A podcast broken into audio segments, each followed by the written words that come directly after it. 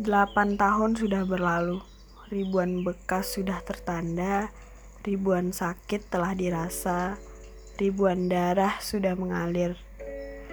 Beribu kaleng minuman hambar, beribu sayatan hingga butir-butir pahit masuk ke tubuh ini.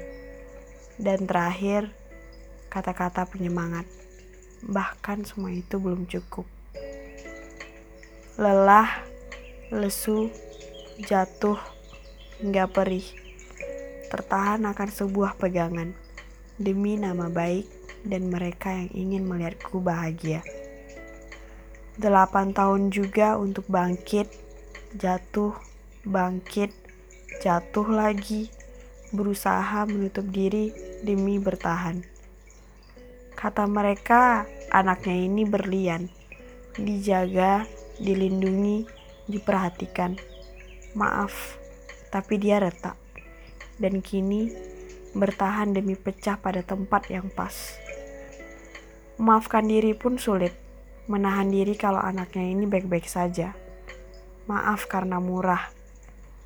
Bahkan menerima takdir atas diri rasanya belum pantas. Semangat ya perbaiki diri.